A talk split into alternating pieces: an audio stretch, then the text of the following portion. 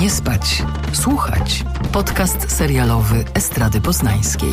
Zapraszają Anna Tatarska i Jakub Wojtaszczyk. Dzień dobry Państwu, witamy w już 99 odcinku podcastu Nie spać, słuchać. Była Wojtaszczyk i Ania Tatarska. I tak sobie od razu, Aniu, pomyślałem, gdy się przygotowywałem do tego odcinka, to to, że po prostu nam się dwa tygodnie ze sobą pięknie połączyły, bo w tamtym tygodniu rozmawialiśmy o miłości, a dzisiaj będziemy rozmawiać trochę o jej no, końcu, może takim rozkładzie, albo może też takim rozłożeniu no nie wiem, na takim... Na części pierwsze. A może też tak być. Ale jeśli Kuba chcesz zasugerować, że reality show Love is Blind, Miłość jest ślepa, o którym rozmawialiśmy e, w poprzednim odcinku, nie zauważa tego, jak bardzo złożonym zjawiskiem jest miłość, to myślę, że się niczego nie nauczyłeś z tej naszej rozmowy. Jestem po prostu, wiesz, oburzona. Powiem ci, że nie dokończyłem niestety tego reality show, ale być może to na drogę. Nie, wszystko przed tobą, bo, bo y, my nagrywamy oczywiście te audycje chwileczkę przed tym, jak są emitowane, ale y, mogę tutaj powiedzieć, że ten ostatni odcinek, który y, ujawni, czy, czy doszło tutaj do, do szczęśliwego, po prostu żyli długo i szczęśliwie, happily ever after, przed nami jeszcze. Ale jak, jak, jak, jak Państwo, Wy będziecie nas słuchać, to już będzie wszystko wiadomo. No dobrze, to dzisiaj będziemy rozmawiać o związkach, a pretekstem do tego jest nowy sezon drugi sezon serialu Status w związku, który wystartował na HBO. What are we going to get out of these sessions? I think we're learning about Don't say ourselves. You weren't going to say ourselves, were you? I'm a hard-working family guy. Hard kids around the world now. I'm a guy who loves his wife. I love you too. I just don't know if I want to be married. Jest to taki serial, który liczy sobie raptem 100 minut, czyli no jest to taki krótki metraż. Łącznie dodajmy, tak, właśnie to jest 10 odcinków po 10 minut, a tak naprawdę to jak odejmiemy napisy i, i, i czołówkę, to tam zostaje 9. Tak. No i wy, wyreżyserował go bardzo znany reżyser Steven Frears, który zrobił Królową, Niebezpieczne Związki. Scenariusz napisał i wyprodukował ten serial Nick Hornby, to taki autor, no bardzo znany. Brytyjski, taki ikoniczny, współczesny badacz niuansów w relacjach, można powiedzieć. Tak, czyli mamy Uneducation, to wyszedł spod jego komputera, czy High Fidelity, który jest chyba taki jednym z, z, z najbardziej znanych przykładów, bo napisał książkę bodajże, ale też scenariusz tego serialu jednosezonowego z Zoe Krawic, który był kilka lat temu prezentowany, ale chyba nie w Polsce. Ja też y, wydaje mi się, że on jest autorem, czy to nie, nie wiem tylko, czy to nie jest to, co ty powiedziałeś przed chwilą, tylko po polsku. Y, była sobie dziewczyna. Tak, dziewczyna, tak, Uneducation. Zapomniałem, jakie jest polskie do tego. A, no właśnie, bo ja czasami się mylę, dlatego, że on jest również y, autorem powieści Był sobie chłopiec. Aha, no więc, tak, faktycznie. Więc ja Y, ja, troszeczkę, troszeczkę mi się to y, czasami plącze i wydaje mi się, że był sobie chłopiec, y, który jest drugim chyba, nie, trzecim jego dziełem. To był też taki w Polsce przełomowy tytuł, który wprowadził Nika Hornbiego do, do, do szerszej mm, świadomości. A tutaj jeszcze można dodać, że on też jest autorem powieści Futbolowa Gorączka, która wydaje mi się, że była w niektórych kręgach bardzo, bardzo popularna i też się doczekała y, adaptacji filmowej. W ogóle dużo jego rzeczy się do, doczekuje adaptacji filmowej, bo, bo na przykład ta futbolowa gorączka miała dwie wersje high fidelity no, film, prawda, z, z, z 2000 roku. Z Cusackiem. Tak, bardzo uroczy, więc y, dobry grunt, powiedziałabym. Tak, Fierce i Hornby to jest taki powerhouse generalnie, no bo trudno sobie, znaczy może i można, ale trudno sobie wyobrazić no takie dobre połączenie wydawałoby się humoru i takiego właśnie społecznego, umiejętności społecznego przyjrzenia się właśnie na relacje między ludźmi, czy, czy też między między parami, w sensie osobami w parze. Tak, mi się też wydaje, że kiedy przynajmniej na mojej orbicie pojawił się Hornby, to przez chwilę mi się wydawało, że on będzie dla mnie taki trochę zbyt słodki, bo był sobie chłopiec, to, to było takie nostalgiczno urocze mm, połączenie, ale jednak mm, z mniejszą, mam wrażenie, dozą może ironii, którą ja lubię, bo jest takim narzędziem, które mam wrażenie odkręca pewnego rodzaju wentyl bezpieczeństwa i daje bezpieczny dystans czasami do opowiadania o emocjach, które są naprawdę intensywne i skrajne. I z tej perspektywy ten jego mariaż właśnie z Friersem, który tak jest przynajmniej też moje doświadczenie z wywiadów, miałam przyjemność z nim parę razy rozmawiać, jest z jednej strony no, bardzo profesjonalny, ale też w pewien sposób uroczo antypatyczny I, i, i takim wydaje się być jako rozmówca takim człowiekiem, który no, nie lubi głupich pytań i też nie lubi jak się marnuje jego czas, y, ale jak atmosfera jest odpowiednia, to ma świetne poczucie humoru i, i chętnie sobie z różnych rzeczy dworuje. Natomiast właśnie on na pewno ma ten element taki bardziej troszeczkę gorzki, zdystansowany i ironiczny. I wydaje mi się, że, że to jest bardzo właśnie dobre połączenie co jest tym ciekawsze w kontekście naszej dzisiejszej rozmowy, bo my rozmawiamy o wspólnym ich serialu, który właśnie śledzi e, rozkład, tak jak powiedziałeś, związku. I może to jest dobra pora też, żeby przypomnieć, bo stan związku. Um, status. Status. Status. State. State i, i, moje, moje automatycznie tłumaczenie w głowie, które jest nie, nieprawidłowe. Tak, e, status, e, status związku e, w tym drugim sezonie troszeczkę skręca w inną stronę. W pierwszym sezonie mieliśmy młodszą parę, też z, ze stosunkowo krótkim stażem i z bardzo konkretną historią. Przypomnijmy, że tam w głównych rolach występowali Rosamund Pike i Chris O'Dowd, też świetny duet, taki bardzo, bardzo dynamiczny. Zresztą ja też bardzo lubię Rosamund Pike w takich nieco bardziej z pazurem. Tak. Jak nie robią z niej takiej, wiesz, pięknej, romantycznej róży heroiny.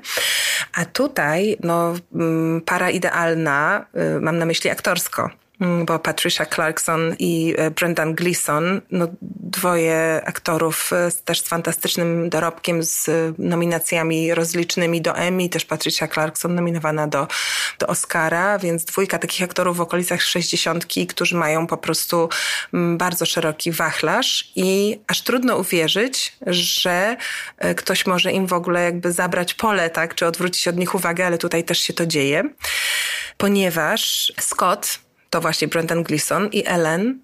No tak jak poprzednio śledzimy ich, jak się spotykają tuż przed wejściem na, na terapię. Nigdy kamera na tę terapię nie, nie wchodzi, tylko śledzi tak, ich króciutkie tak, rozmowy przed sesją. Rozmowy, które mm, zaskakująco szeroko potrafią sięgać e, od tematów, które były poruszane na poprzedniej sesji, od, po tematy, które mają być poruszane na najbliższej sesji, po wspomnienia sprzed lat 30, plany na najbliższe lata, mm, wyciąganie jakichś bolesnych wspomnień, ale też pięknych pięknych wspomnień, rozmowy o ideach. Mm, no i tutaj jest to o tyle ciekawe, że serial się przeniósł z Wielkiej Brytanii do stanu Connecticut i oni się spotykają w takim, e, w takiej hipsterskiej kawiarni specialty. Tak, zapomniałem jak się nazywała, zapomniałem jak się nazywała... Um, Mouthfeel. No właśnie. Mouthfeel. I po polsku to pełne usta, tak? Nie, to by był mouthful, a to mouthfeel. Um, Aha, tak. Musiałby jakiś znania... barista y, ci powiedzieć, co to jest, ale to jest chyba chodzi o ten, o ten, o ten posmak, o to, jak kawa, tak. um, czu, jakby jaki smak ma kawa, jakie nuty y, objawiają się w twoich ustach, kiedy na przykład jesteś na cuppingu i próbujesz tak po, po, malutkim, y, po malutkiej łyżeczce kawy. Jaki bukiet. O, bukiet, to jest chyba bukiet. Tylko właśnie nie pamiętam, jak było, jakie było tłumaczenie tej kawy. Ja, ja właśnie to jest mój problem, bo ja oglądam seriale prawie zawsze po angielsku, czasami z angielskimi napisami napisami, żeby tam, jeśli ktoś ma akcent, wyłapać. albo tak, wyłapać słowa, ale właściwie w ogóle ich nie oglądam po polsku i często właśnie w związku z tym muszę sobie potem sprawdzać, jak się co nazywało. I już, już kończę, żeby nie zagadać cię. Chciałam powiedzieć, że w tej kawiarni za barem pracuje Jay w tej roli Esco Joulet. No i to jest taki punkt wejścia, można powiedzieć, do poznania tej pary, bo podczas kiedy Ellen wchodzi i wita się z Jay, właściwie nie będę odmieniać, absolutnie na luzie i też widać, że się znają, to Scott natychmiast ma potrzebę, tak jak ma potrzebę y, napicia się kawy, ma też potrzebę ustalenia, czy Jay jest kobietą, czy mężczyzną, a to jest temat, który właściwie do końca do końca tego sezonu krótkiego pozostaje nierozwiązany i też, też z czasem bardzo staje się ciekawym pryzmatem, relacja z, z tą osobą, bardzo ciekawym takim pryzmatem do analizy tego związku i jakby przyglądania się rozwojowi bohaterów. O, Dobrze powiedziałam? Tak, to znaczy, to jest też mój główny zarzut do tego sezonu, ale do tego pewnie dojdziemy. Ty masz zawsze taki, zawsze po prostu ja tam opowiadam, coś mówię, chwala, ty, no bo mi się to nie podobało, że no to mów.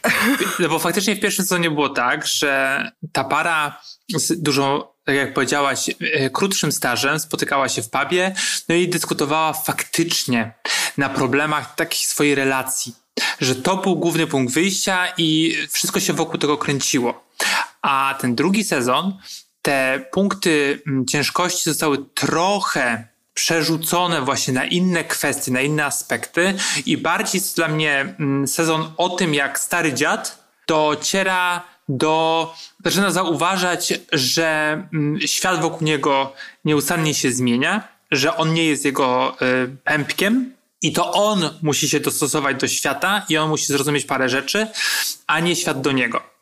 I ten związek tutaj jest trochę dla mnie taki naciągany. Mówisz o związku głównych bohaterów? Tak. Oj nie, no to widzisz, ja to widzę całkiem inaczej. To może mi się uda ciebie przekonać, tak jak zasiałam w tobie bezgraniczną miłość do Love is Blind. Ale to może najpierw, może najpierw, najpierw powiedzmy, e, kim są bohaterowie. No dobrze, no to proszę bardzo. No więc mamy tego Scotta, którego gra jeden z moich ulubionych aktorów, Brandon Gleeson. Jest to smutne, że jednak posługuje się, on jest bodajże z Irlandii, że ze Szkocji i ma taki silny akcent, no i gra Amerykanina, co jest dla mnie już y, jednak absurdalne, bo słychać Ale niego akcent. wydaje mi się, że tam nie jest nigdzie powiedziane, że on jest Amerykaninem. Ale jest? jest powiedziane, że on w dzieciństwie i w młodości, tam w jakichś latach 70., czy coś tam z chłopakami jeździł na koncerty do jakichś tam miast amerykańskich, już nie pamiętam dokładnie było. No dobra, ale to miał 20 lat wtedy, tak? Bo, bo to, to, się dzieje współcześnie, czyli w latach 70., 50. Nie, to byłby nastolatkiem, tak? Wtedy. No, to myślisz, że miałby cały czas akcent? Tak, myślę, że, że, że, że bez problemu. Że jeśli. Zresztą ja w ogóle tak na boku powiem ci, że ja jestem, jakby jestem zadowolona z tego, że teraz w branży filmowej ten akcent często przestaje być takim wyróżnikiem, bo przez lata obserwowaliśmy, nie wiem, Amerykanów grających Hiszpanów, y, mówiących po amerykańsku z jakimś fejkowym akcentem po prostu tak hiszpańskim, tak czy rosyjskim, czy jakimś. Więc ja, ja się śmieję i też w rozmowach z polskimi aktorami, którzy grają za granicą, bo często rozmawiamy właśnie o akcencie, czy, czy twój angielski jest wystarczający. Myślę, myślę sobie, że że właściwie w pewnym sensie co za różnica, tak? Że akcent i tak jest umowny, narodowość jest umowna. Od dawna przy, przy dominacji rynku anglojęzycznego, bo też amerykańskiego i brytyjskiego, przecież osoby, które nie reprezentują danej grupy grają, więc właściwie w pewnym sensie wszyscy mogą grać, yy, grać wszystkich. I, i, I jakby to, że on mówi z wyczuwalnym akcentem, który nie jest amerykański, w ogóle, w ogóle mnie w żaden sposób nie odciągało, bo to nie ma znaczenia, chociaż mogłoby mieć, gdybyśmy pomyśleli o pewnych modelach męskości i kobiecości, bo myślę, że w przypadku bohaterów z tego pokolenia jednak ta, ten binarny podział jest zasadny, bo, bo odzwierciedla kulturowy porządek, w którym byli, e, w którym dorastali. Tak, jest też silnie obecny, Bardzo. no bo on jest mhm. takim emerytowanym, e, emerytowanym e, mężczyzną, który jest gotowy... On jest boomerem. Tak, jest gotowy, żeby po prostu osiąść, grać w golfa, pić dobre wino, jeść dobre jedzenie i niczym się nie przejmować, bo uważa, że na to zasłużył.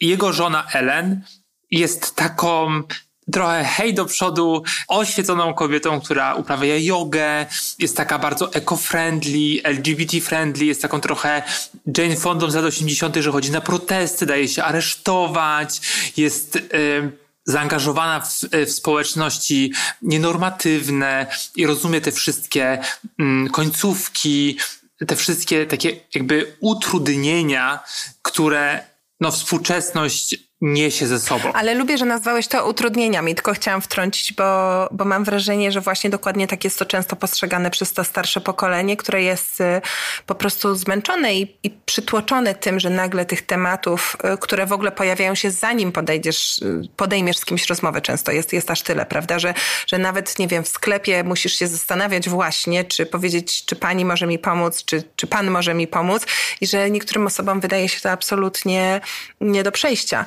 A jeszcze tylko chciałam tutaj dodać, że Ellen, i to jest interesujące, i to jest coś, co właśnie mi się do końca ewentualnie nie zgrywało, być może to by była ta jedna rzecz, jest podejmowany ten temat, że ona właśnie oprócz tego wszystkiego, o czym ty mówisz, też czasie trwania ich związku, gdzieś parę lat temu, tak, dołączyła do takiej wspólnoty i ja sobie to posprawdzałam po polsku i wynika z tego, że jest to wspólnota religijna. To znaczy mm, ona dołączyła do, do kwakrów, tak, jeśli się nie, jeśli się nie, nie mylę. Um, to się nazywa Society of Friends, ale to jest y, grupa, która jest jakoś tam jednak afiliowana e, religijnie i bardzo mocno się skupia na takim elemencie osobistego objawienia. Ja nie jestem religioznawcą, więc y, być może, mm, być może jest tu coś więcej, albo coś mniej, albo coś po prostu nie jest to tak oczywiste, ale tak na, na takim poziomie zwykłego widza, właśnie nie mającego tej religijnej ekspertyzy, nie do końca byłam w stanie sobie poukładać w głowie, jak się ma ta jej przynależność do, do, do tego środowiska i też bardzo silna przynależność, bo to się pojawia w kilku momentach, że ona tam właśnie chce z nimi mieszkać i, i, i, i oddać im swoje pieniądze, prawda? Z takim oświeceniem w bardziej no, takim powszechnym rozumieniu, czyli właśnie, że ona jest taka woke, tak, że, że właśnie ekologia, sprawy kobiet, nowoczesne postrzeganie związku i, i to jest chyba jedyna rzecz, która trochę mi się nie skleiła, chociaż też nie przeszkadzała mi jakoś bardzo. No i też bez, nie bez znaczenia jest to, że 25 lat temu Scott miał romans w ich tam chyba mieszkaniu w Nowym Jorku, jeżeli dobrze pamiętam. I to też powraca, że on jakby trochę zabiera wolność innym, jaką, taką szeroko rozumianą, a on sam 25 lat temu no taką wolność miał i to też jest takie trochę mm, zganianie na to, że kiedyś to tak było. Jakby to było bardziej powszechne, że y, mężczyzna też mógł więcej. No my, myślę też, że to dość realistycznie oddaje rzeczywiście naturę mm, tak, tamtego momentu, no bo było tak. To jest też coś, co przecież obserwujemy teraz cały czas w tych dyskusjach o ewolucji w świecie filmu, że było tak, że były pewne normy, pewne rzeczy były dopuszczalne, oczywiście moralnie naganne, mm, bez względu na to, czy się wydarzały w latach 70. czy, czy współcześnie. Ale no fakt jest taki, że nie wiem, 40 lat temu romans w pracy, na przykład dla mężczyzny na kierowniczym stanowisku, był uznawany za coś, czego można się spodziewać i co się może zdarzyć, a nie coś, co jest niedopuszczalne, bo też model związku partnerskiego, który dzisiaj, no chciałoby się myśleć, jest tym modelem dominującym, nie był dominujący, bo kultura była znacznie bardziej patriarchalna, ale dla mnie w tym kontekście zdrady, cieszę się, że o tym wspomniałeś, najciekawsze jest to, że tam jest bardzo tak mam wrażenie, realistycznie pokazane, chociaż to są skrawki takie i odłamki, jak y, zdrada potrafi mm, jakby się rzucać cieniem na związek. Filmy bardzo często, kiedy pokazują zdradę, koncentrują się na zazdrości. Na tym, że ktoś jest zazdrosny, że jest w szale zazdrości, że jest, nie wiem, złamany, skrzywdzony, że się może chce zemścić. Bardzo często, i o tym uwaga, mówiliśmy też w kontekście Love is Blind, kobieta zdradzana, tę, z którą jest zdradzana, będę mówić o kobietach, bo ten pryzmat jest mi też naj, naj, najbliższy, zaczynają traktować jako rywalkę, zaczyna się jakaś walka o mężczyznę, w ogóle nie ma takiej refleksji, że może on nie jest wart, skoro e, to się w ogóle, w ogóle wydarzyło. A tutaj mam wrażenie, że dotyka się czegoś, o czym często zapominamy, czyli że, że nawet w związku, który ze zdrady wyszedł, który mm, jakby się, można powiedzieć, wyrehabilitował, tak, i, i, i, i, umówił się, że będzie działał dalej, to zawsze jest rodzaj takiego zespołu stresu pourazowego, jakiś taki długi cień, o którym czasami nie chcemy pamiętać, bo naprawdę wszystko nieźle działa, ale są takie miejsca, które czasami wystarczy delikatnie przycisnąć, żeby się po prostu wylał cały taki strumień bardzo bolesnych wspomnień. I, I też oglądam to i myślę sobie, że nie warto czekać 30 lat, żeby móc sobie bardzo wprost powiedzieć pewne rzeczy, Mm, ja słucham takiego podcastu um, takiej terapeutki amerykańskiej, która tam analizuje właśnie przypadki um, swoich pacjentów, a zajmuje się terapią par. I właśnie pamiętam, że w, w odcinku o, o zdradzie bardzo ciekawie było opisane to, że często, i znowu tu się pojawia binarny podział na płcie, no ale jakby rekapituluję to, co tam zostało powiedziane, że bardzo część, często mężczyźni, e, mówimy o parach, które się decydują na to, żeby razem zostać, że bardzo często mężczyźni jakby wolą nic nie mówić, tak, nic jakby nie nie, zdradzać żadnych szczegółów, tak jakby, żeby zacząć od nowa, to po prostu powiedzieć sobie, że to się właściwie nie wydarzyło, już zapomnijmy o tym, już do tego nie wracajmy. A że dla drugiej strony, paradoksalnie, takie po prostu kawa na ławę z najmniejszymi detalami, tak? też intymnymi, prawda, czy, czy, czy, czy jakimiś szczegółami rozmów, czasami jest niezbędne, żeby móc to przepracować i, i pójść dalej, bo inaczej zawsze zostają pytania, na które nie padły odpowiedzi. I tutaj dokładnie to jest pokazane. To prawda i dla mnie to jest najciekawszy element tego serialu, tego drugiego sezonu, że ta rzecz sprzed 25 lat, to wydarzenie gdzieś się wiesz, y, odłożyło w kościach i teraz zaczyna po prostu boleć po latach, jak wiesz, jak, nie wiem, ze starością bywa że po prostu już cię wszystko boli. I to, to jest świetne, że to wychodzi i wychodzi w takich trochę nieoczywistych momentach, gdzieś tam rzucone między słowami. To mi się bardziej, bardzo podoba, że to jest faktycznie takie mm, skupienie się na faktycznych problemach związku. A to, że dostajemy właśnie takie tematy woke i po prostu patrzymy, jak ten Brandon Gleeson przechodzi taką podróż od właśnie bycia takim, jak on to nazywa, e, taką stanowczą osobą, a on tak naprawdę jest po prostu zamknięty na, te, na, na tę zmianę, do takiej osoby, która bierze tego, e, bierze tę osobę Jaya mm, na ryby i zaczyna się z nim w jakiś sposób tam przyjaźnić. Z nim albo z nią. Albo z nią, przepraszam. I to jest właśnie ten problem. Aha. W polskim języku rozmawialiśmy o tym. Bierze Jay na ryby i zaczyna się z nimi przyjaźnić, chyba tak powinniśmy powiedzieć? Mów po prostu z Jay przyjaźnić. O, tak. I mam takie wrażenie, że po prostu on jest, ten Scott jest takim przedstawicielem takiego y, klasycznego odbiorcy tego serialu, do którego to jest przeznaczone. Że zastanawiałem się, kto jest odbiorcą, odbiorczynią tego serialu i mam wrażenie, że właśnie osoby w tym wieku i, i poczekaj, i w sensie trochę mi się to podobało, że faktycznie to jest taki aspekt edukacyjny, że zobacz, że można, że tak powinno się robić, żeby nikogo nie urazić i jest wiele tematów, na które powin, powinieneś, powinnaś zwrócić uwagę, ale jednocześnie przez to, że ja już to trochę wszystko wiem, no to trochę dla mnie to było takie sztampowe i takie e, na siłę.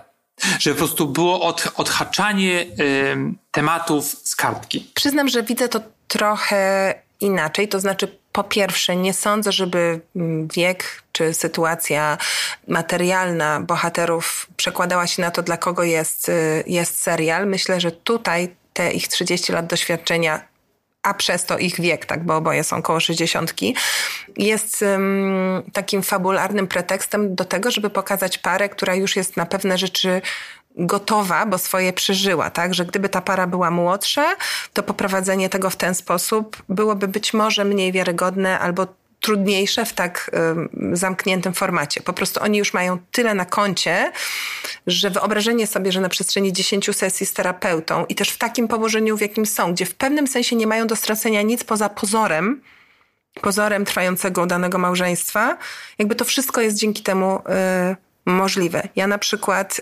odnajduję się w tej relacji, e, mimo że jestem, jestem 30 lat młodsza. No, prawie 30, troszkę. I, I też jakby mój status materialny na przykład, czy, czy, czy tam poglądy się różnią. Jeśli chodzi o, o taką dość ostrą um, jakby ten kontrast postaw, tak, i poglądów między nimi, to ja bym tutaj wróciła do tego, o czym już nawiązaliśmy, czyli Zresztą, uwaga, dygresja.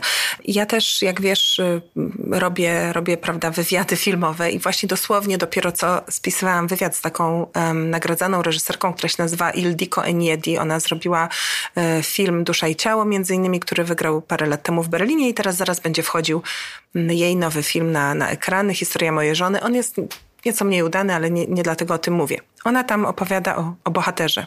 To jest bohater. Film się dzieje mm, w latach y, chyba dwudziestych i bohaterem jest, jest mężczyzna. I ona opowiada o tym tak, że ten mężczyzna został wyposażony przez kulturę i przez swoją rodzinę w pewien taki zestaw narzędzi i powiedziano mu, to są narzędzia potrzebne ci do tego, żeby przejść przez życie jako mężczyzna tymi narzędziami będziesz sobie radził z kryzysami emocjonalnymi, z zakładaniem rodziny, ze wszystkim.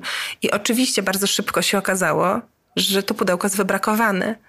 Jeśli jesteś taką osobą, która tak bardzo została utwierdzona w tym, że są narzędzia, konkretne narzędzia, one mają działać, one działają, potem się okazuje, że nie działają, to reakcją naturalną może być agresja, panika, bo masz po prostu przemożną chęć kontroli, którą nagle tracisz. Nie jesteś otwarty na to, żeby się odnaleźć w sytuacji, gdzie nie masz kontroli i wyjść z tego w jakiś sposób, który będzie dla ciebie dobry i rozwijający.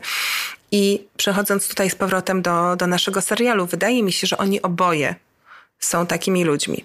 Oczywiście mówimy tutaj o osobach, które się urodziły w latach 50., tak, pod koniec lat 50. w USA. Oczywiście bardzo specyficzny czas, wciąż jeszcze można powiedzieć gdzieś tam odbijający się od no, takich bardzo dynamicznych, powojennych zmian, też, też demograficznych na przykład, no i, i społecznych, e, gdzieś tam przesuwających siłę powoli w stronę kobiet, ale też bardzo, bardzo, bardzo jednak powolutku.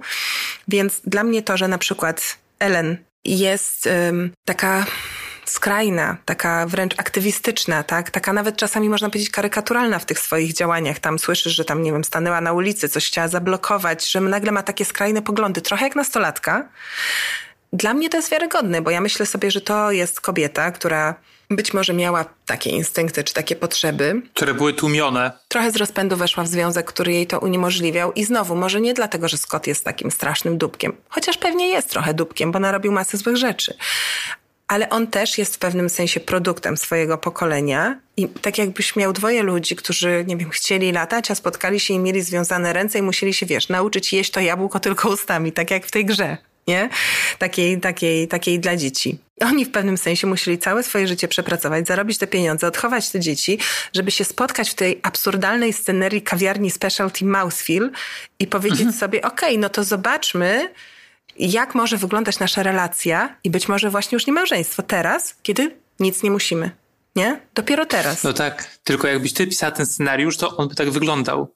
A dla mnie po prostu Ellen jest tam tylko po to, żeby reagować na zachowanie swojego męża, czy tam prawie ex-męża. Że jakby doprowadza go do porządku, pokazuje mu, jakie są, e, jakie są e, prawidłowe odruchy, powiedzmy, które powinien mieć, ale żeby przyznać jakby jakieś tam kredyty po prostu dla, dla pisania tego scenariusza, to właśnie w takich rzadkich momentach, kiedy wychodzi, wychodzi takie drugie dno Ellen, że ona nie jest taka, wiesz, po prostu woke 100%, tylko właśnie tak jak mówisz, trochę karykaturalna i też trochę jakby tak sobie łapała tą taką nieheteronormatywność, czy te wszystkie elementy właśnie łukowskie do pokebola. Że ona sobie po prostu kolekcjonuje to wszystko i, i pokazuje, jaka jest taka właśnie, jak powiedziałem, hej do przodu.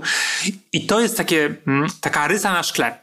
E, I to, mi się, e, I to mi się najbardziej podobało, że jak wiesz, że, że, że kiedy ona dostawała takie właśnie, taki, mm, nie wiem jak mam to nazwać, coś takiego ekstra dodatkowego i Patricia Clarkson wtedy mogła sobie grać, bo dla mnie przez większość czasu ona po prostu odbija tę piłeczkę jego. I to jest e, główny powód, dlaczego ona tam w ogóle jest. Ale to też fajnie jest, jest pokazane, bo rzeczywiście jest, tak jak ty mówisz, że ta bohaterka jest taka, no właśnie nagle złapała wszystkie sroki za ogon i, i po prostu zna wszystkie zaimki i wszystkie tendencje i, i niuanse segregacji śmieci, pewnie no jakby z taką encyklopedią.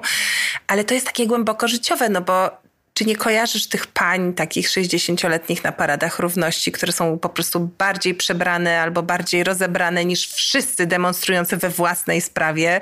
Takie wiesz, takie, takie nachalne sojuszniczki właśnie z pokolenia, y, no teraz myślę 60 plus, tak?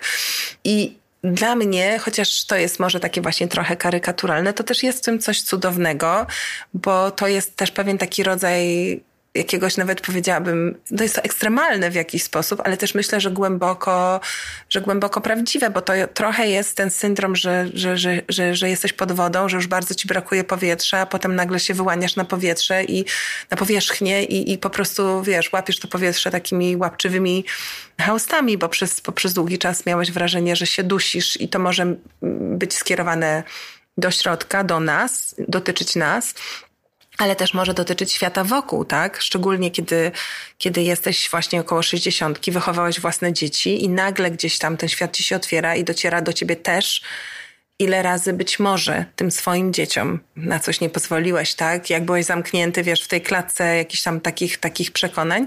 No i nagle budzi się taka w tobie potrzeba, żeby teraz za to wszystko zadośćuczynić, a że czasu jest mało, to trzeba to robić, wiesz, po prostu na 300%. Jakbyś chciała nadrobić wszystkie stracone lata, tak. I oczywiście znam takie osoby z, z mojego otoczenia i nawet z rodziny i to jest ciekawe. W sensie nawet już nie chodzi o taką, wiesz, akceptację LGBT, tylko generalnie o różne, w różnych aspektach życia, że czegoś, że czegoś się nie robiło kiedyś i nagle chce się nadrobić, a życia już e, może nie starczyć.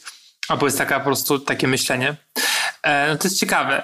Ale jeszcze chciałem to taki bardziej, y, nie wiem, przytyk, ale może i przytyk, taki techniczny, bo te seriale i pierwszy i drugi, znaczy te dwa sezony są, jak powiedzieliśmy, koncentrują się właściwie na dwójce bohaterów w przestrzeni, która jest raczej niezaludniona i to jest pub w pierwszym sezonie i ta kawiarnia w drugim. I to są idealne seriale covidowe ale nie wiem, znaczy ten pierwszy sezon nie był covidowy, po prostu taki był pomysł. Tak, pierwszy sezon był z 2019 roku. Nie wiem, co się stało takiego, że tamten pierwszy sezon wydawał mi się bardziej e, ta scenografia realistyczna, że faktycznie to była knaj- e, faktycznie to był pub e, i miałeś tę, tę ulicę i tak dalej, a wydaje mi się, że ten drugi sezon był kręcony w studio. Wiesz to nie wiem, ale szczerze mówiąc przez sekundę mi nie przyszło do głowy, że to wygląda nierealistycznie, bo, bo to wygląda dokładnie tak jak milion kawiarni, no nie byłam w milionie kawiarni w Stanach, ale bardzo dużo kawiarni, w których byłam w Stanach, bo one często wyglądają jak plan filmowy, bo mają jakby uosabiać ideę. I wydaje mi się, że to, że już w pierwszym odcinku jest e, cały fragment poświęcony najpierw e, nazwie tego miejsca, tak? Oczywiście e, Scott musi kontestować, e, co to w ogóle jest za nazwa, a co to jest ten mouthfeel, co, jakby co, co to w ogóle, co to w ogóle znaczy. To te takie boomerskie, boomerskie rozmowy, też rozmowy o kawie, które dodajmy kończą się jego fiaskiem, bo on, on odmawia po prostu wczytania się w niuanse i posłuchania tutaj o, o, o bukiecie i o, o kwasowa, kwaskowatości tam i, i tak dalej, tylko mówi, dobra, daj mi kawę numer jeden. Oczywiście ta kawa mu nie smakuje i Jay mu potem mówi, że widzisz, jakbyś mi po, pozwolił wyjaśnić, to byś wiedział, bo ja od początku wiedziałem, wiedzia, jak się mówi, no właśnie po polsku, wiedziałam, wiedziałam no. że, że to nie będzie ci smakowało. Więc, więc, więc to jest oczywiście zarówno przytyk do, do jego bumerstwa, ale też wydaje mi się, że w taki subtelny sposób określa charakter właśnie tej przestrzeni, która jest no taka uber hipsterska, i, I, też troszkę mam wrażenie, że ten serial się z tego śmieje, tak? Że on się nie śmieje jakby tylko ze Scotta, że o, Scott się nie potrafi dopasować do tej nowoczesnej rzeczywistości, tylko tam też jest taka drobniusieńka jednak sugestia, że ta nowa rzeczywistość też jest pewnym rodzajem performansu i też ma w sobie pewne przegięcie i jakby też pewnie będziemy się kiedyś troszeczkę z tego śmiać, no ale wiesz, w tym sensie wydaje mi się właśnie taki dość powiedziałabym de demokratyczny, tak? Że jakby akurat na tym poziomie nie widzę wartościowania. Ani też tej teatralności tej przestrzeni, muszę przyznać. No właśnie mnie gdzieś to jakoś tam uderzyło. Ja też ten pierwszy sezon bardzo lubię, chociaż już go nie pamiętam. I ty dzisiaj właśnie powiedziałaś jeszcze przed nagraniem, że tam jest dużo takich heheszków i chyba wydaje mi się, że te heheszki mi się podobały, ale musiałbym, musiałbym to, musiałbym to um, musiałbym go odwiedzić jeszcze raz czego pewnie nie zrobię. Może ja jestem starą duszą po prostu, wiesz co? Znaczy nie wiem Może. właściwie, co to jest stara dusza, ale ja często zauważam, że bardzo lubię seriale, które uwzględniają w ogóle istnienie starszych ludzi, tak? Może to jest moja forma zabezpieczania się po prostu z wyprzedzeniem przed tym, że mam nadzieję sama będę, będę kiedyś taką osobą starszą i że, że będzie mi dane też tego do, doświadczyć, że nie zniknę wcześniej nie, nie, niespodziewanie albo spodziewanie. I też jakoś lubię to, bo to w ogóle oswaja taką różnorodność świata. To jest też znowu coś, o czym dużo mówimy, ale przeważnie w kontekście reprezentacji właśnie, nie wiem, kobiet czy, czy społeczności LGBT+, ale tak naprawdę te wykluczenia filmowe, serialowe przez lata dotyczyły też bardzo wielu innych grup, między innymi osób starszych, tak? To się zawierało zarówno w tym takiej seksistowskiej ścieżce, że to sobie też można z tego żartować, że wiesz, tam aktorka 30, 20 to gra matkę, 35 plus to już gra babcie, a po 50 to już nie ma takich, bo umarły, nie? Tak. I, I w pewnym sensie właśnie to też jest ten ageism, który był bardzo wyczuwalny, chociaż nie wiem, czy można wyczuwać brak, może niektórzy w ogóle nie byli tego świadomi i przyjmowali to jakby jako przezroczyste i naturalne, tak w filmach, w serialach, ale też w mediach Przecież zastanówmy się, ile mamy nawet w tym momencie w Polsce w mediach starszych kobiet, tak? Poza Moniką Olejnik i Danutą Cholecką. Niewiele, niewiele.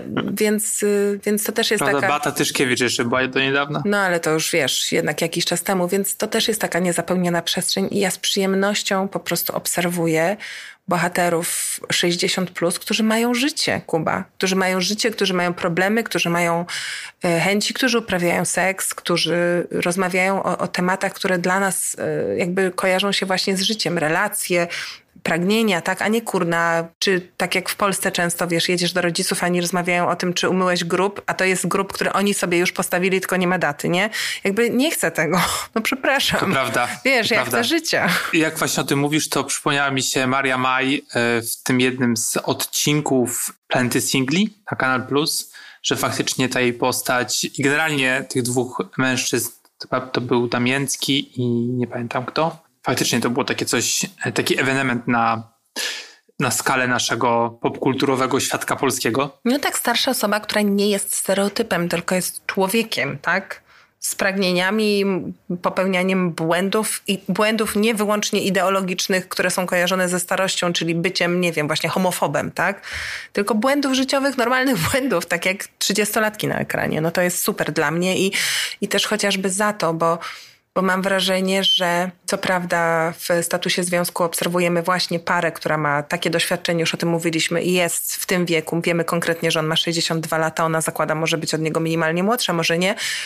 Ale jakby to doświadczenie, chociaż tutaj potrzebne fabularnie, nie zawęża jakby perspektywy tego serialu. To znaczy, to są wciąż rozmowy i problemy, które mogłyby prowadzić wiele par 40-letnich na przykład, tak? Czy myślę, że nawet 30-letnich pod warunkiem, że, że byłyby tymi parami, które na przykład poznały się bardzo wcześnie na studiach, zdecydowały się założyć rodzinę, urodziły się dzieci, a potem 10 lat później kiedy życie jest już w innym miejscu, budzisz się z ręką w nocniku i dociera do ciebie, że żyjesz z kimś, kto jest ci w dużym stopniu obcy, a wartości, które was być może wtedy połączyły, albo wtedy wam nie przeszkadzały, bo były inne rzeczy, które was łączyły, są absolutnie nie do pogodzenia. I co dalej? Mnóstwo terapia. Dzień dobry. Polecam. Ja również polecam i jeśli ktokolwiek, kto nas słucha, się boi, niech się nie boi, bo baniem się terapii marnuje bardzo dużo czasu, który naprawdę mógłby zaoszczędzić, gdyby na tę terapię po, poszedł. Terapia jest ok i mówię to, kiedy jesteśmy kilka dni po y, też Światowym Dniu y, Depresji. O, właśnie. O czym, o czym, o czym można, można wspomnieć, bo też się cieszę, że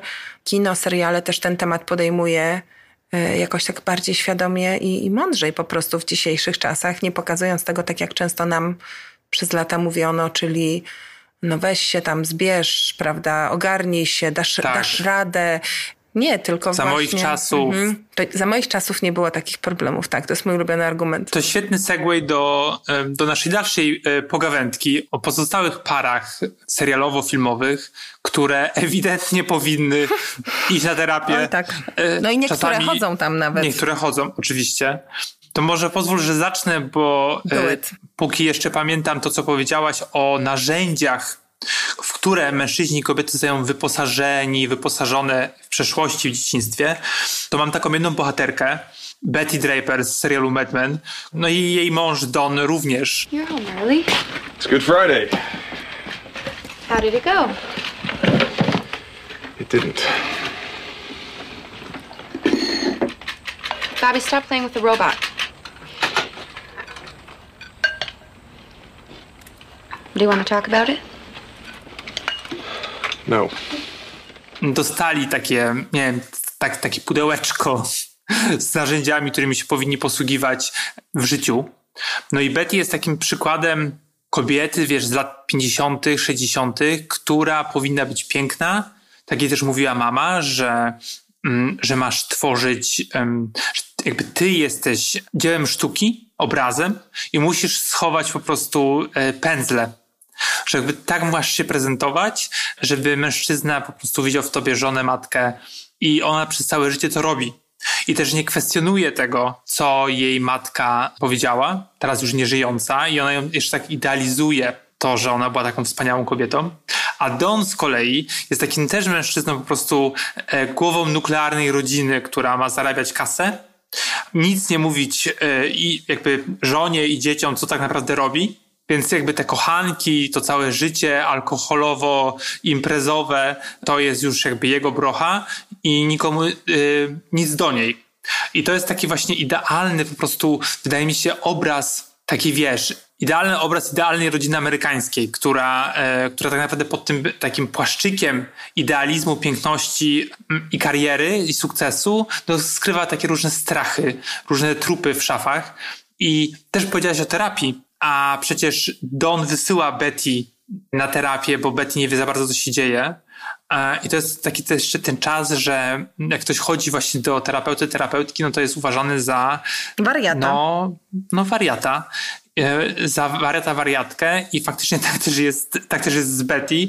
No i mało tego, ten terapeuta co tydzień dzwoni do Dona i mu relacjonuje, porą, prawda? Relacjonuje. No tak, to wiesz, tutaj tylko dodajmy, że przecież yy, nie chcę skłamać, ale tak mi się wydaje, że to były też czasy, w których jeszcze w Stanach były dopuszczalne elektrowstrząsy w ramach terapii tak. oraz oczywiście terapia yy, reparatywna, tak? Yy, mająca cię nawrócić na, na jedyną właściwą związkową drogę, czyli heteroseksualizm. Więc, więc jeśli chodzi o, o stan, że tak powiem, kondycję terapii w tamtych czasach, to też warto mieć w tyle, w tyle głowy, co to było, no bo też z dzisiejszej perspektywy jest to oburzające.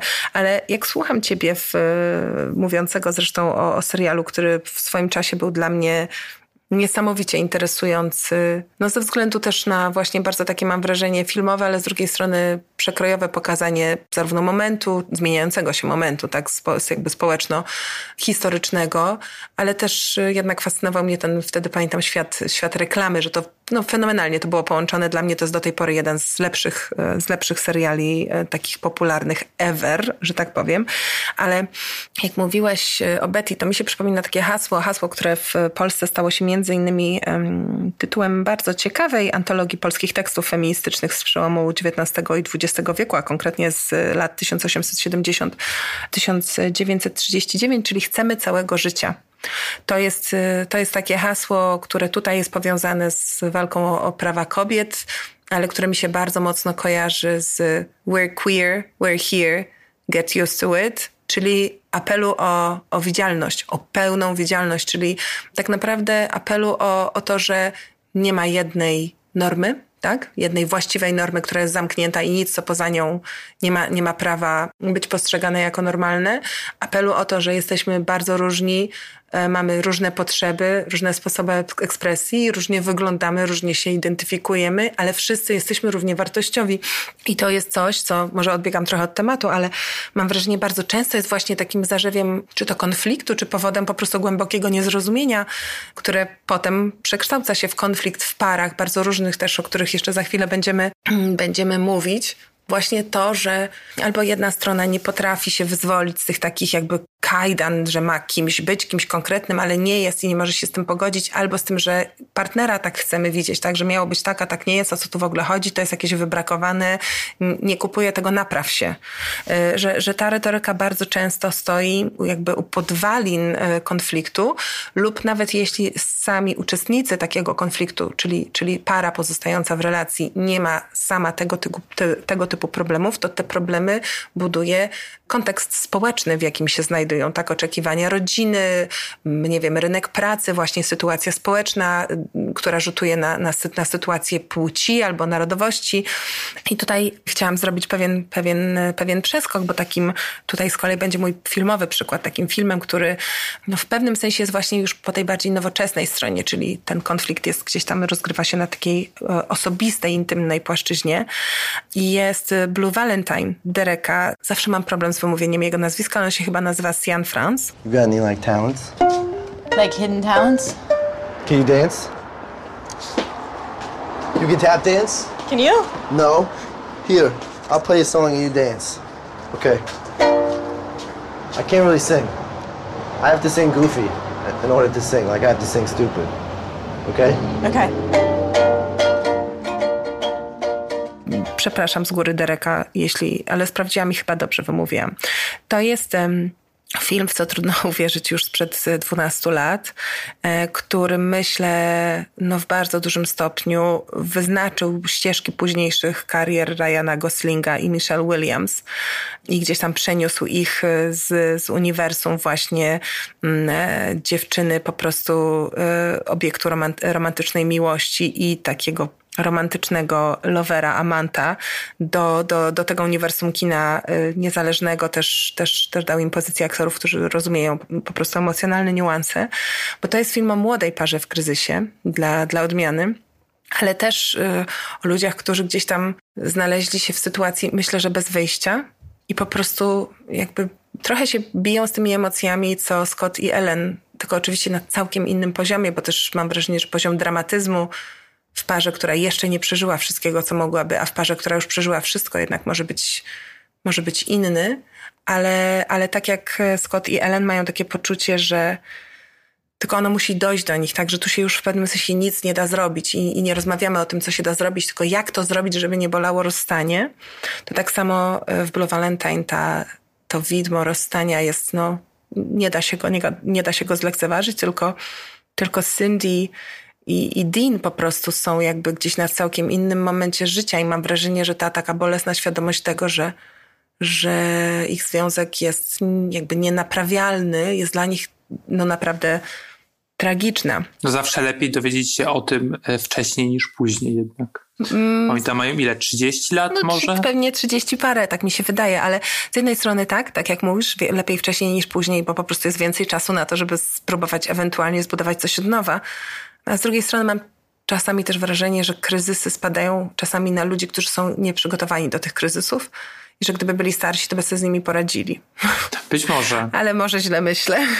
Ja też, właśnie jak powiedziałaś o, o, o Blue Valentine, od razu pomyślałem sobie o, o mojej innej parze serialowej, e, o Hanie i Adamie z Gersów, Liny Danam. Well, I think you should watch it. Adam, I don't want to watch it, okay? Great, you're stalking me now? That's very three years ago. I appreciate it. I need you to watch a movie, Hannah. Why? Because it's a movie I made about us. Uh, for us. And for the world, but mostly for us. Great, so you expect me to believe you made anything for me? That is very rich. Why are you avoiding it so hard? It's not a big commitment. It's just under 47 minutes. E, bo wydaje mi się, że tak jakbyśmy się troszeczkę cofali, wiesz, rocznikowo. Bo jakby trochę spojrzeć właśnie na Adama i na Hanę i na tych bohaterów z Blue Valentine, no to jakby, jakby ten związek tych milenialsów po prostu e, z girlsów trwał dalej, takim, takim, nie wiem, klinczu, nie wiem jak mam to nazwać, oni przecież to był taki na maksa toksyczny związek, to mogłoby, wiesz, doprowadzić do takiej eskalacji podobnej do tej, którą widzimy właśnie e, w filmie, o którym powiedziałaś, że faktycznie absolutnie ten ani, ani Adam, ani Hanna nie są na tyle dojrzali, żeby przyjrzeć się swoim, swojemu związkowi z takiego no, bardziej dorosłego i nieegoistycznego punktu widzenia, bo cały czas gdzieś trwają w takiej swojej stereotypowo milenialsowej estetyce, ale no gdzieś w pewnym momencie to takie, no nie wiem, przekonanie o tym, że tylko ja mam rację, gdzieś zaczyna ustępować takim bardziej, rozwiązaniom takim bardziej, e, mam nazwać, no nie egoistycznym. E, I to właśnie widać u Adama, który jakby tam kręcić film, żeby się żeby przepracować ten związek z Haną. No a Hanna faktycznie w pewnym momencie zaczyna dostrzegać, że to, co sobie wyobraziła kilka lat wcześniej, że będzie tym głosem pokolenia, że będzie znaną pisarką, że broń Boże nie będzie miała dzieci, mm, gdzieś to zostało zamienione na takie substytuty że jednak ma to dziecko, że musi się nim zająć, więc ten egoizm siłą rzeczy musi gdzieś tam schować do kieszeni, że może nie jest pisarką znaną i cenioną, ale uczy innych pisania, no i cały czas pozostaje uprzywilejowana, nie oszukujmy się. Ja ci powiem, że, że ja oczywiście teraz postrzegam ten serial troszeczkę inaczej niż kiedy on się pojawił, bo kiedy on się pojawił, to nie byłam jeszcze w związku, w którym jestem teraz i też nie byłam rodzicem. E, a to, no, wydaje mi się, że to jest dość oczywiste, że to jakoś tam zmienia, zmienia perspektywę. Też byłam mniej doświadczona o te kilka, kilka lat, ale ja będę zawsze, zawsze, mimo tego egzaltowania naturalnego dla Liny Danam, bronić e, serialu Dziewczyny, który uważam był absolutnie przełomowy, jeśli chodzi o Też tak jednak tak popularną telewizję. zarówno i szczególnie to jest dla mnie istotne, jeśli chodzi o pokazywanie ciała, to był po prostu, to była bomba jednak spuszczona na te po prostu sceny, wiesz, po, pozasłaniane, wykadrowane, sztuczne.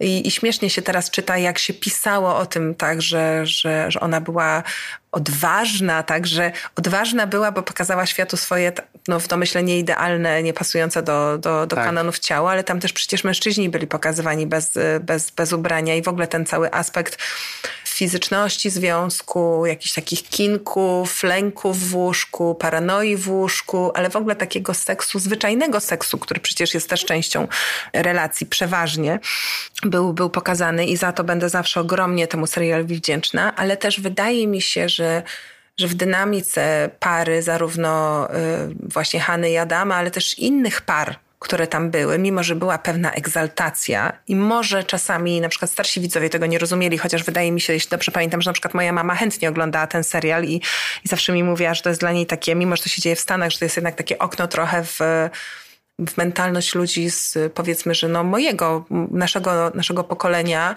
którzy po prostu mają inny właśnie zestaw tych narzędzi wspomnianych już wchodząc w, w, w relacje i in, inne okoliczności. Myślę sobie, że ta egzaltacja w ich związku, która też eskalowała często te kryzysy takie, do takich bardzo jakby teatralnych proporcji, ona jednak w gruncie rzeczy była bardzo, bardzo prawdziwa. To też był serial, który uwzględniał w ogóle, chociaż no nie, nie był to temat, tak, ale on uwzględniał na przykład już wpływ mediów społecznościowych na, na relacje, w ogóle taką kategorię tego, że twój związek i ty jesteś osobą, która jest w jakiś sposób widzialna, tak, i definiowana z, z zewnątrz, no. To jest taki czynnik bardzo, bardzo wydaje mi się ciekawy, którego nie było. Ja mam też tutaj jeszcze przygotowany inny tytuł, o którym za chwilę powiem a propos ciekawych par, pary, pary konfliktów. W ogóle nie było tej kategorii kiedyś, tak? Teraz poznajesz kogoś, to nie jest akurat moja historia, ale myślę, że bardzo wielu osób myśli w ten sposób, tak? Spotykasz, zaczynacie się spotykać, mijają dwa tygodnie i ty myślisz sobie, dlaczego ona jeszcze nie opublikowała naszego zdjęcia na Instagramie. No wstydzi się mnie, ewidentnie ten związek, nie wiem, ukrywa przed światem.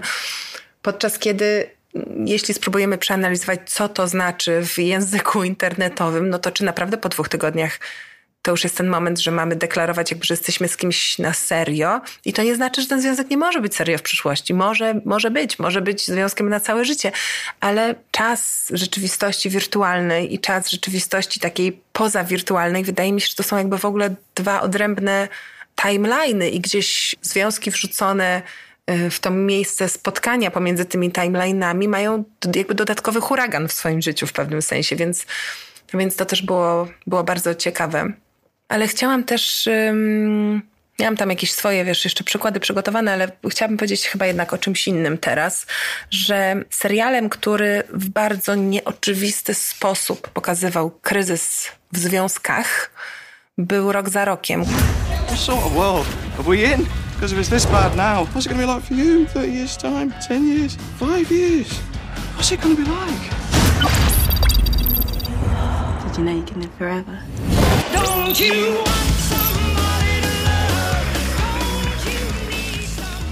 Który jakoś tak e, teraz szczególnie do mnie, do mnie wraca w świetle tego, co się dzieje bardzo, bardzo niedaleko nas na, na Ukrainie. I myślę w świetle pytań, które wszyscy sobie zadajemy, czy my jesteśmy następni i co będzie dalej, jakie zostaną podjęte kroki, czy za chwilę zacznie się trzecia wojna światowa.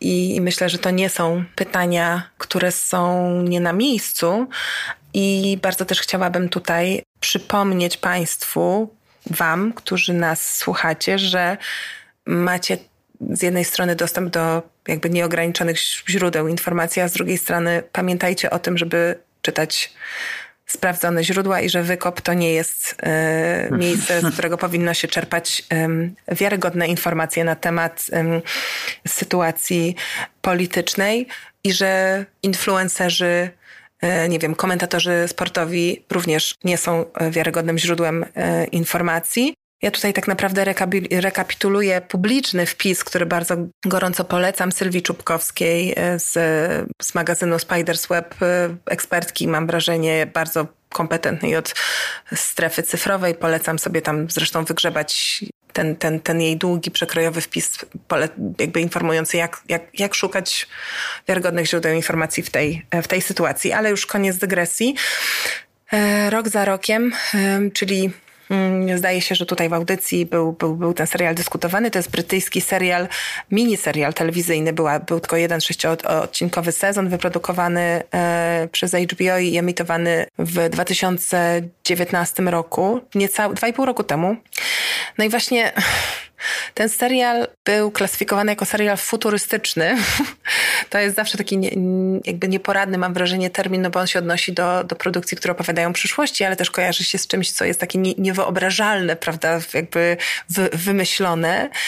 A jednak y, historia 15 lat z życia rodziny Lionsów, którzy jakoś tam usiłują się odnajdywać w dynamicznie zmieniającym się świecie, mam wrażenie, że z każdym rokiem stawała się coraz bardziej jak serial dokumentalny. I bardzo Państwu Wam, ale chyba tym, którzy mają mocne nerwy i, i, i trochę takiego masochizmu w sobie, polecam, żeby go teraz obejrzeć, bo może to nas tak. też uwrażliwi na to, no w ogóle jak myśleć o świecie, tak, jak, jak, jak myśleć o ludziach obok i żeby po prostu być wrażliwym i też czułym na, na innego człowieka, bo to jednak nie jest jakaś, jakaś mrzonka, tak jak czasami, wiesz, oglądamy seriale w jakichś, nie wiem, kosmitach po prostu, czy tam nie wiadomo czym, tylko że no jest w tym bardzo dużo prawdy i ta prawda niestety jest y, przerażająca. No bo to jest ciekawy przykład i faktycznie mm, po latach być może go bardziej doceniam, ten serial, że nie tylko na te związki wpływa to, co my robimy. Mm, dokładnie. Tylko faktycznie świat dookoła i nie tylko tam, nie, nasza praca i tak dalej, tylko właśnie polityka, -hmm. czy jakieś tam konflikty zbrojne i tak dalej. I to jest właśnie ciekawe, że gdzie zazwyczaj filmy i seriale się kończą, tutaj mamy jakby ten dalszy ciąg. To jest trochę tak jak w komediach romantycznych, że wiesz, że kończy się na tym, że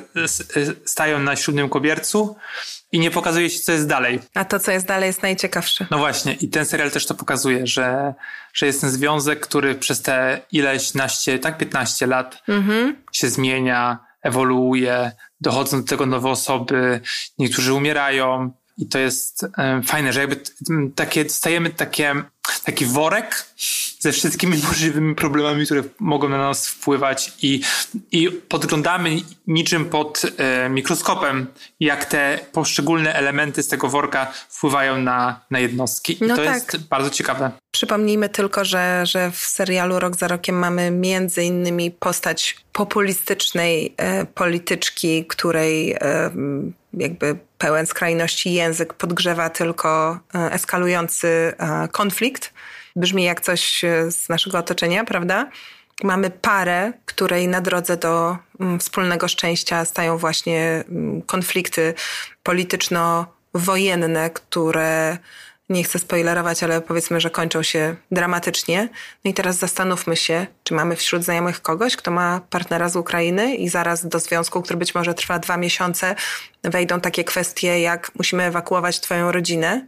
To jakby to nie jest już e, świat fikcji i jako dziennikarka czy też filmoznawczyni mogę powiedzieć, że lubię te miejsca, w których mm, rzeczywistość filmowa i serialowa się we wrażliwy i kompetentny, mądry sposób przecina z rzeczywistością, ale w takich chwilach jak tam myślę też, że te przecięcia czasami mnie przerażają i mam nadzieję, że, że jednak e, akurat ta produkcja nie okaże się. Nie będzie prorocza. Prorocza, tak. No dobrze. Skończyliśmy bardzo pesymistycznym akcentem. Nie wiem, czy można inaczej. Myślę, że nie można inaczej i też, że bardzo bym chciała, mam głęboką nadzieję, że będzie jeszcze ta przestrzeń na, na, na optymizm i też może powinnam, powinniśmy jakoś tam przeprosić, że tutaj z podcastu serialowego gdzieś jakoś zjechaliśmy w politykę, ale wydaje mi się, że polityka to jest życie i udawanie, że jest inaczej i że filmy nie są polityczne, że seriale tak. nie są polityczne, to, to jednak jest eskapizm, a eskapizm być może był wpisany w jakąś naturę filmu dawno, dawno temu, ale już od dawna na pewno nie jest jego